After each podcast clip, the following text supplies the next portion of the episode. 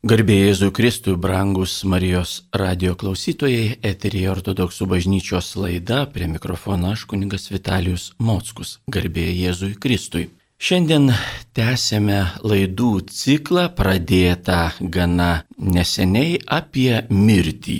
Mes kalbėjome, mes žadėjome, kad bus pasakojama apie įvairias šio slėpinio pusės, įvairias temas gvildensime. Ir tai tikrai yra ne tik, kad neišsemiama, bet ir labai svarbi tema, labai svarbus reiškinys, užbaigiantis mūsų žemiškai gyvenimą, bet krikščionis visada deda daug taškį po to taip vadinamo užbaigimo, pabaigos visada yra daug taškis.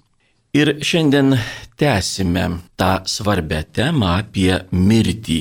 Ypač tuo metu, ypač tomis dienomis arba tą metą, kada mes matome siejamą mirtį dabar, kada mūsų broliai Ukrainoje miršta, žūva ir turbūt laidos pradžioje turėčiau pasakyti keletą žodžių ir apie tai.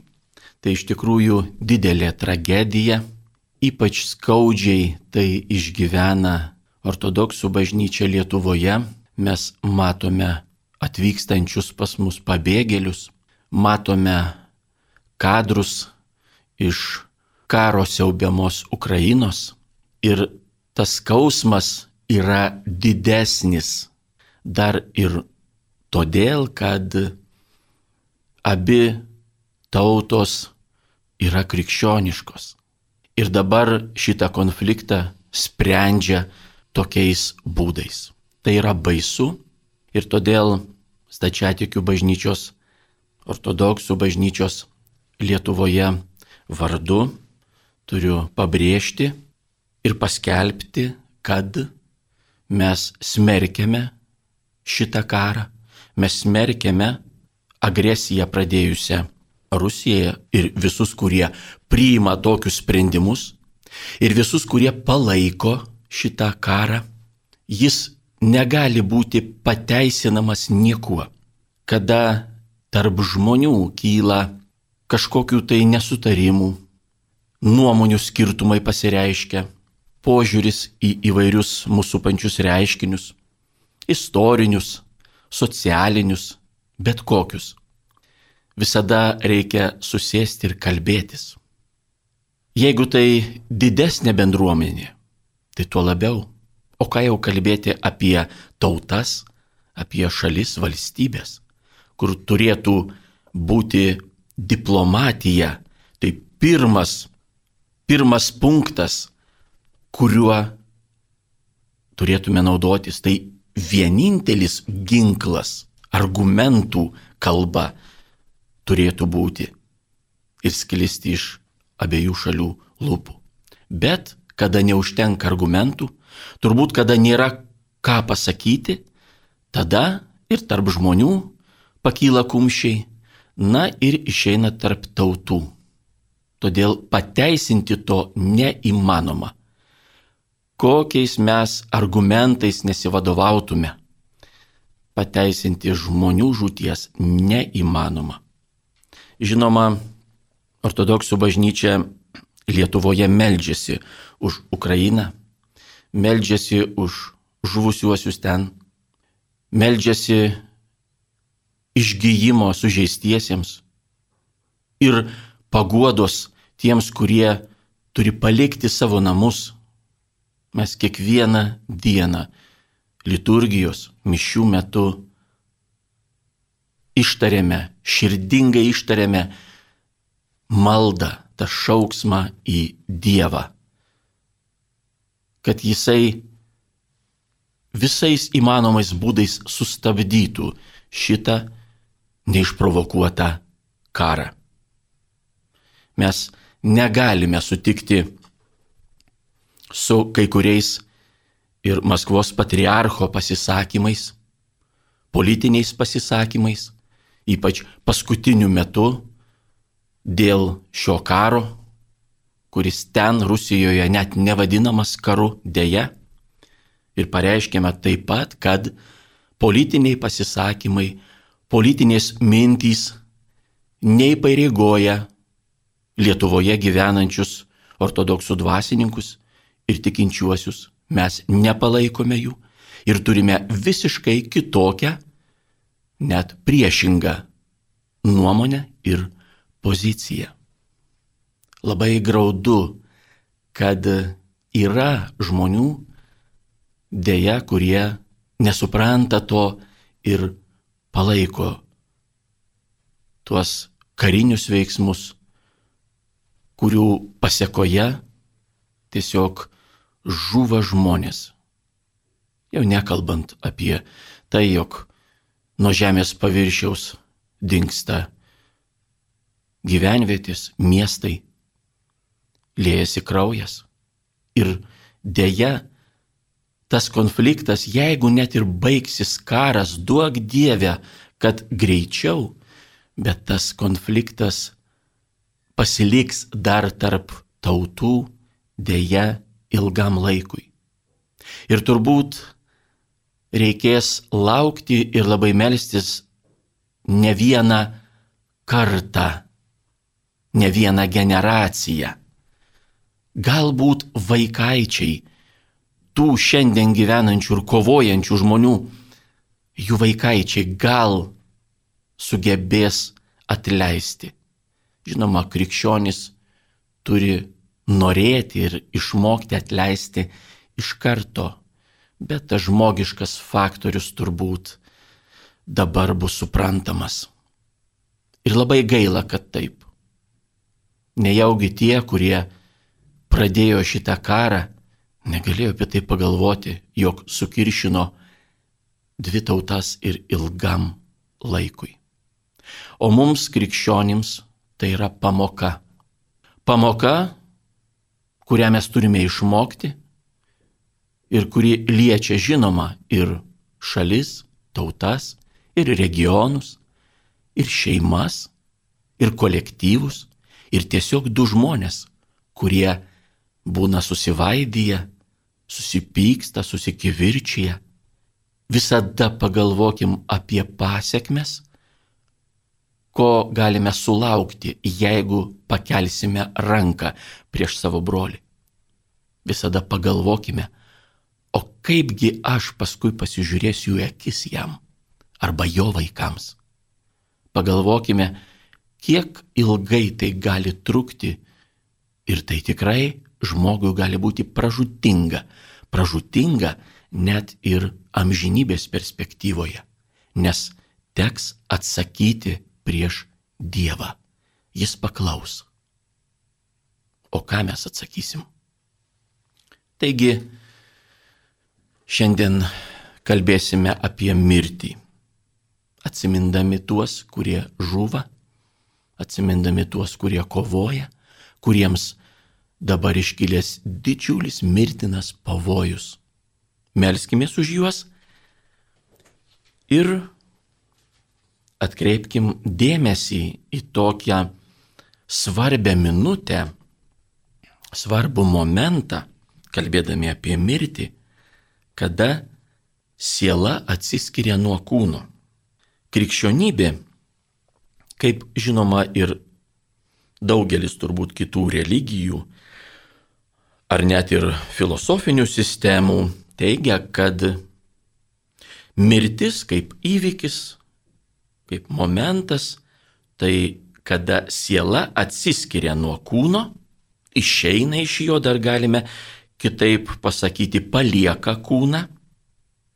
Ir apie tai kalba daugybė ir šventųjų tėvų, ir jų paliktų liturginių tekstų, kuriuos mes skaitome, gėdame iki šiol ir žinoma, ypač tekstai susiję su laidotuvėmis, su mirusiųjų minėjimu. Kada siela palieka kūną, kūne nebėra sielos, tada ir sakome, kad žmogus yra miręs. Miręs netiesioginė prasme, kadangi, kaip jau sakiau, krikščioniui po šios pabaigos, po šios mirties dar yra daug taškis, nes gyvenimas amžinybėje tęsiasi. Bet mes kalbam apie šį žemiškai gyvenimą. Taigi, siela išeina iš kūno, atsiskiria nuo jo, palieka kūną, o kūnui siela tai jo gyvavimo, jo gyvenimo principas, jo net tam tikro organizuotumo, jo judėjimo, jo pasireiškimo šiame žemiškame gyvenime, kūno pasireiškimo principas ir esmė. Kodėl taip? Ogi pažiūrėkime, be sielos kūnas nejuda. Jis negali nieko daryti, mes su juo dar galim kažką padaryti, bet net ir fiziškai matom, kad kūnas sustingsta, kraujas nebecirkuliuoja. Kodėl? Todėl, kad sustoja ir nebeveikia, nebedirba nebegyvuoja kūno, organizmo dalys - širdis, plaučiai ir visa kita. Ir kūnas ne tik su laiku sustingsta, bet mes matom ir jo dulėjimo, jo įrimo pradžią. Su laiku jisai pradeda irti. Taigi siela palieka kūną ir kūnas nebegali pasireikšti. Jis net negeba judėti, atrodytų tas bent jau minimumas. Mes prašom, jisai neatsimerkia, mes kaip bekviestume, jau jisai nejudintų kojų ir neteitų. Reiškia, jis nebereaguoja į nieką. Jis nustoja būti organizmu net. Netenka vieningumo ir su siela, kurios jau nebėra kūne, ir kūno dalys jau nebetenka tarpusavio ryšio. Sustoja širdis, kraujas nebeteka, kitos organizmo kūno dalys nebetenka taip pat oro, degonies ir nebeveikia, viskas sustoja. Ryšio tarp kūno dalių nėra. Ta prasme, o dar kada matome, kad jis pradeda irti, mes ir sakome, jog jis, kaip gėdam laidotuvių apieigose, jis kūnas sugrįžta į žemę, nes iš jos buvo paimtas pradžios knygoje yra parašyta, juk dulkė esi ir į dulkę sugrįši. Tačiau mes žinome taip pat, jog mirtis, šita žemiška prasme, iš tiesų yra tik kūno mirtis. Siela toliau gyvena, toliau gyvuoja, bet be kūno. O kūnas pradeda irti ir po kiek laiko mes galime jo ir nebeatrasti. Gal kažkokias liekanas, kokius tai likučius, čia priklauso nuo įvairių aplinkybių ir klimatinių tame tarpe aplinkybių, bet kūnas suyra. Todėl tai yra kūno mirtis. Tai taip pat krikščionims yra labai svarbu atsiminti.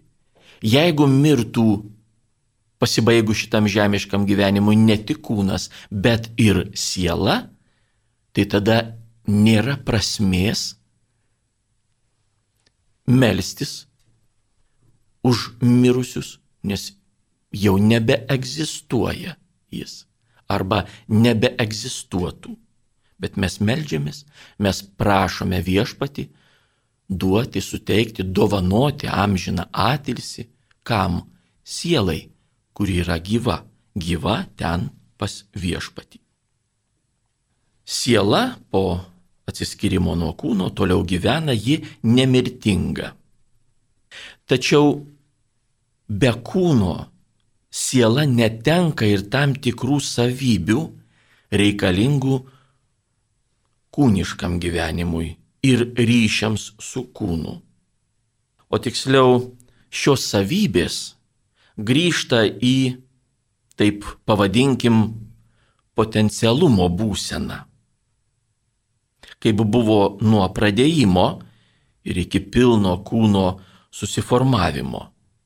Įsivaizduokime gilę, kurioje potencialiai yra viskas ir būsimos medžio šaknys ir kamienas ir lapai, kurie kiekvieną pavasarį atsinaujina, vieni nukrenta, kiti atsiranda, išauga ir visa tai yra gilėje, vat toje potencialumo būsenoje, kurią pažadina Dievas per gamtą. Ir siela tada, nuo pradėjimo iki pilno kūno susiformavimo, buvo su visom savo savybėm, bet jos negalėjo pasireikšti. Nes tas ryšys su kūnu svarbus šiame gyvenime ir lemiantis taip pat ir sielos pasireiškimą, iš dalies priklauso ir nuo kūno. Kol vaikas mažas, jis nemoka kalbėti. Sieloje visa tai potencialiai yra, bet visa tai reikia išvystyti. Reikia, kad išauktų kūnas tiek, jog gebėtų suprasti, ką jam sako ir gebėtų išmokti tai daryti. Kaip ir, žinoma, galėtume kalbėti apie visas kitas savybės pasireiškiančias per kūną. Taigi sieloje potencialiai viskas yra, kada kūnas išauga, pilnai pasireiškia per kūną, o po jo mirties vėl viskas sugrįžta. Kūno nebėra ir jinai negali kalbėti. Tada klausimas, o kaip jinai bendraus ten, amžinybėje. O ten mes galime vėl tada paklausti, o viešpats Dievas kokia kalba kalba su sielom? Su tais žmonėmis, kurie ten dangaus karalystėje su juo bendrauja, jį šlovina, kokia kalba šlovina. O ji šlovina ir visos sielos šlovina ir bendrauja su Dievu, vat tokia mums nesuvokiama, gal ir ne visai galima pasakyti, kad tai kalba. Ar ten yra žodžiai, ar ten dar kažkokiu tai kalbos apraiškų yra. Ji bendrauja siela su Dievu, vad ta potencialumo būsena. Ji geba bendrauti su Dievu ir be žodžių. Mes kartais tai patiriame savo gyvenime, kada tokios būsenas būna. Ar labai džiaugsmingos, pakilios, ar baisiai skausmingos, kada tu stovi, žvelgi į dangų arba užsimerki ir meldiesi, bet supranti, kad neturi žodžių. Tu negali žodžiais išreikšti tai, ką kalba, ką šaukia arba ką gėda tavo širdis. Žodžių neįmanoma suformuluoti, bet Dievas supranta. Todėl siela po mirties bendrauja kitokiu būdu su Dievu. Ne per kūną ir ne šita žmogiška kalba ir žmogiškų gebėjimų komunikuoti vieni su kitais. Bet kol mes gyvi čia žemėje, mes komunikuojam vieni su kitais, o taip pat ir su Dievu, taip kaip gebam čia turėdami kūną ir per kūną. Siela nuo kūno atsiskiria ir tai puolusios prigimties tada jau sakytume natūralus arba suprantamas procesas. Jeigu Adomas ir Jėva nebūtų puolę, nebūtų nusidėję, būtų kitaip. Siela neatsiskirtų nuo kūno, neateitų į mūsų gyvenimą mirtis. Ir tada būtų kitaip. Bet dabar tas procesas vyksta. Jis nėra natūralus tiesioginė prasme, nes nuodėmė ir per ją mirtis sudarkė mus. Ir tada atsirado tas procesas, atsiskirimas, atsirado ta žemiška mirtis, žemiško gyvenimo pabaiga. Tik jis, tas procesas atsiskirimo gali būti įvairus, priklausomai nuo dvasinio lygio vieno ar kito žmogaus. Tarkim, šventasis, kurį gal dabar neįvardėm dar kaip šventasis, bet bažnyčia jį iškels į šventumo lygį ir, ir parodys kaip pavyzdį kitiems krikščionims su laiku. Bet tas žmogus jau gyveno su Dievu čia žemėje. Jis pasiekė tam tikrą tobulumo lygį, kuris leidžia jam tą atsiskirimo su siela procesą išgyventi visai kitaip nei kitas žmogus, kuris galbūt neturėjo tikėjimo arba kuris, įvardinkim, taip labai jau akivaizdžiai buvo baisus nusidėjėlis. Jų mirtys labai skirtingos, išgyvenimai skirtingi. Šventam arba Dievo žmogui, gyvenančiam su Dievu žmogui, tas atsiskirimas, ta mirtis gali būti dvasiškai lengva, net džiaugsminga. Jau ne kartą esam apie tai kalbėję, kad tikram krikščioniui mirtis tai yra akimirka, kada pagaliau jisai peržengs tą slengsti ir išvys mylimą viešpatį. Pagaliau aš einu pas tave, koks džiaugsmas.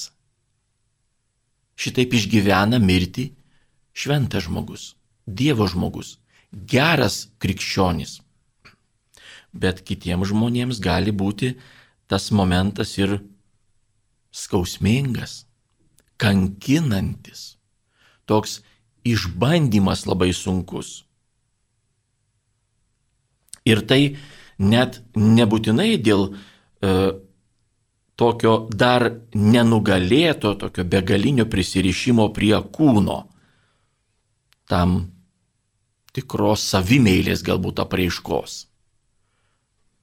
Mes kabinamės į gyvenimą, kad galėtume čia na, turėti kažko tai, ar gyventi taip, kaip mums norisi, ir mūsų gyvenime nėra Dievo, nėra tikėjimo.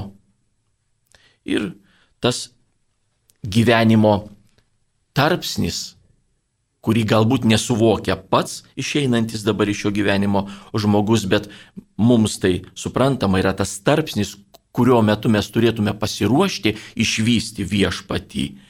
Jis nesiruošė. Ir todėl jisai ir, ir, ir nenori mirti, jis prisirišęs prie kūno, bet nebūtinai dėl to jam yra skausminga, baisu, jis kankinasi. Tai iš tikrųjų iš dalies išgyvena ir šventieji, net ir džiaugdamiesi, net ir dvasiškai lengvai išgyvendami mirtį, vis tiek tikras krikščionis jis supranta, kad mirtis nėra tai, kas turėtų būti mūsų gyvenime, jei mes būtume kitokie. Ir todėl tas dviejų tokių elementų, kurie organiškai taip susiję tarpusavį šiame gyvenime, kūnas ir siela, atplėšimas arba atsiplėšimas vienas nuo kito, tai yra smurtas prieš mūsų prigimtį. Kada sakėm, kad Tai yra natūralus iš dalies procesas, todėl, kad mūsų prigimtis yra puolusi, paveikta nuodėmės, paveikta blogio, reiškia paveikta mirties. Bet taip neturėtų būti. Ir todėl jau tiesioginė prasme tai yra smurtas prieš mūsų prigimtį. Ir tam tikros harmonijos, žmogaus harmonijos skilimas. Jono Damaskiečio šventojo laidotuvių tekstas. Tikrai baisus mirties slėpinys, kada siela jėga atskiriama nuo kūno ir jų giminiškas ryšys nutraukiamas.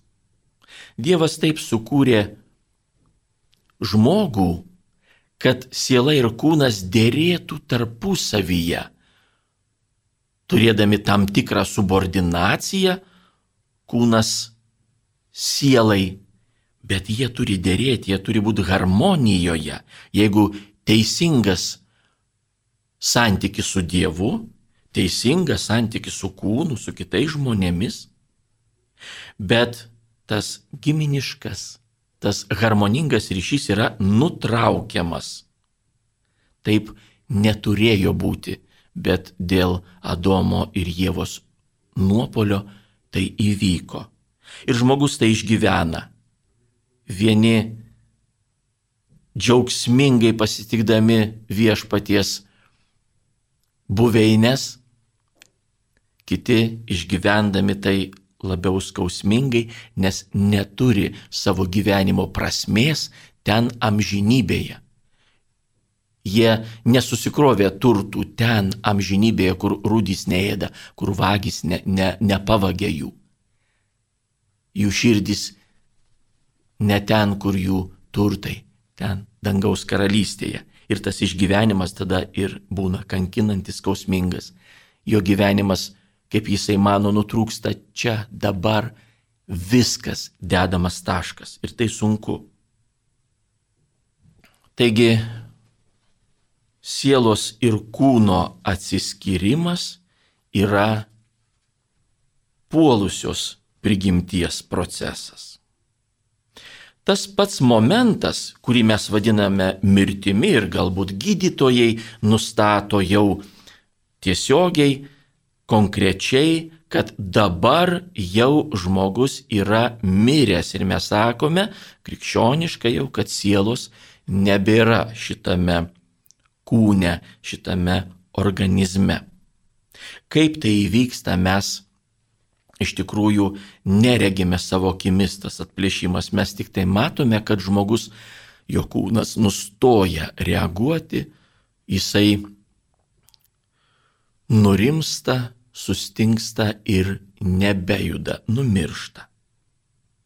Bet įdomi ir pamokanti yra krikščionių tradicija melstis prieš mirštant, melstis mirties akimirką už savo artimą žmogų, už savo draugą, pažįstamą, žinoma ir jisai, duok Dievę, kad melstusi ir melstis po mirties, po to momento.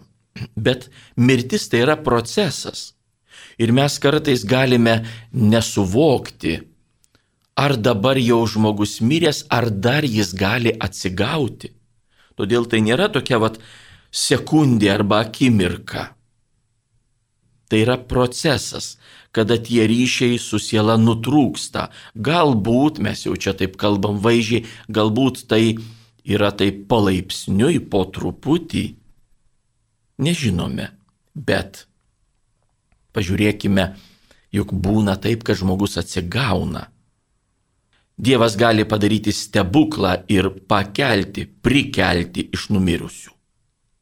Ir kol dar kūnas nepraranda savo formų, kol jis nepradeda irti galutinai ir nesugrįžtamai, kol mes jį dar atpažįstame, krikščioniškoje tradicijoje yra labai graži simbolika neskubėti tą kūną slėpti į žemę, o dar pasimelsti prie jo, pagerbti sielos buveinę, šventosios dvasios buveinę, pagerbti ją ir neskubėti palaidoti, jeigu nėra kažkokių ypatingų ekstra sąlygų, kurios verčia mus skubėti, mes laidojam paprastai trečią dieną.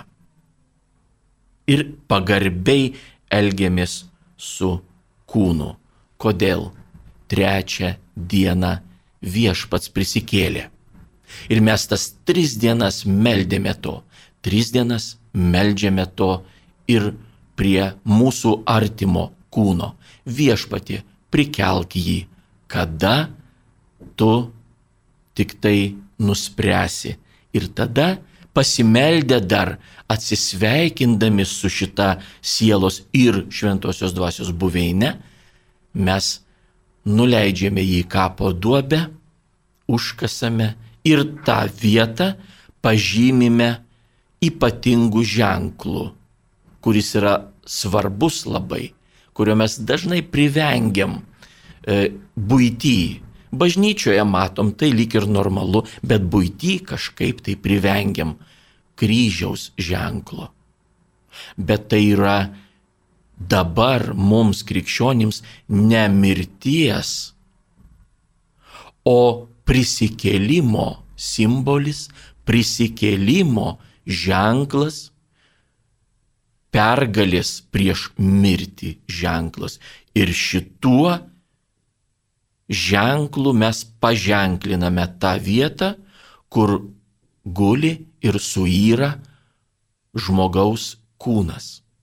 Bet laiko atėjus mes melžiame to ir žinome, kad tai bus, viešpats pašauks ir kūnas prisikels toks, kokį jį sukūrė Dievas. Ne toks, kokius mes matytume atkasę kapą likučius, o gražus, nuostabus Dievo kūrinys. Taigi, tas ženklas ant kapo duobės, virš kapo duobės yra labai svarbus. Ir net jeigu mes kartais ten pastatome kokį tai paminklą arba akmenį su užrašu vardą, pavardę, kas ten ilsisi, kieno kūnas ilsisi ir laikas, kada jisai gimė, kada gyveno.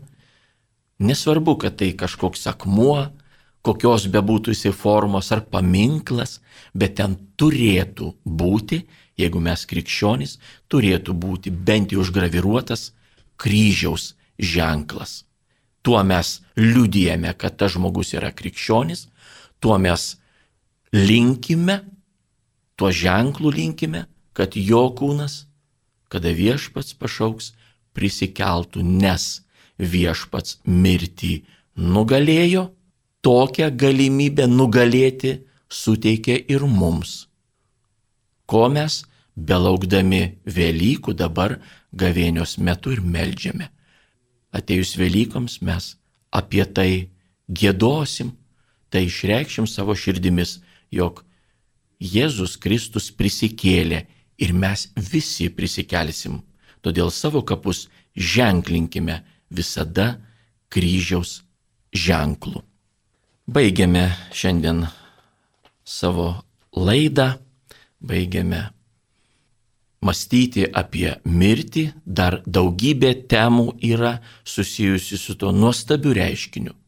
Ne tik baisiu dėl puolusios prigimties, bet nuostabiu reiškiniu, kada mes įžengėme į amžinybę, kada mes galime regėti viešpatį ne taip, kaip dar čia regėme. Todėl tai yra nuostabus reiškinys. Mąstykime apie tai. Iki kito susitikimo. Garbė Jėzui Kristui.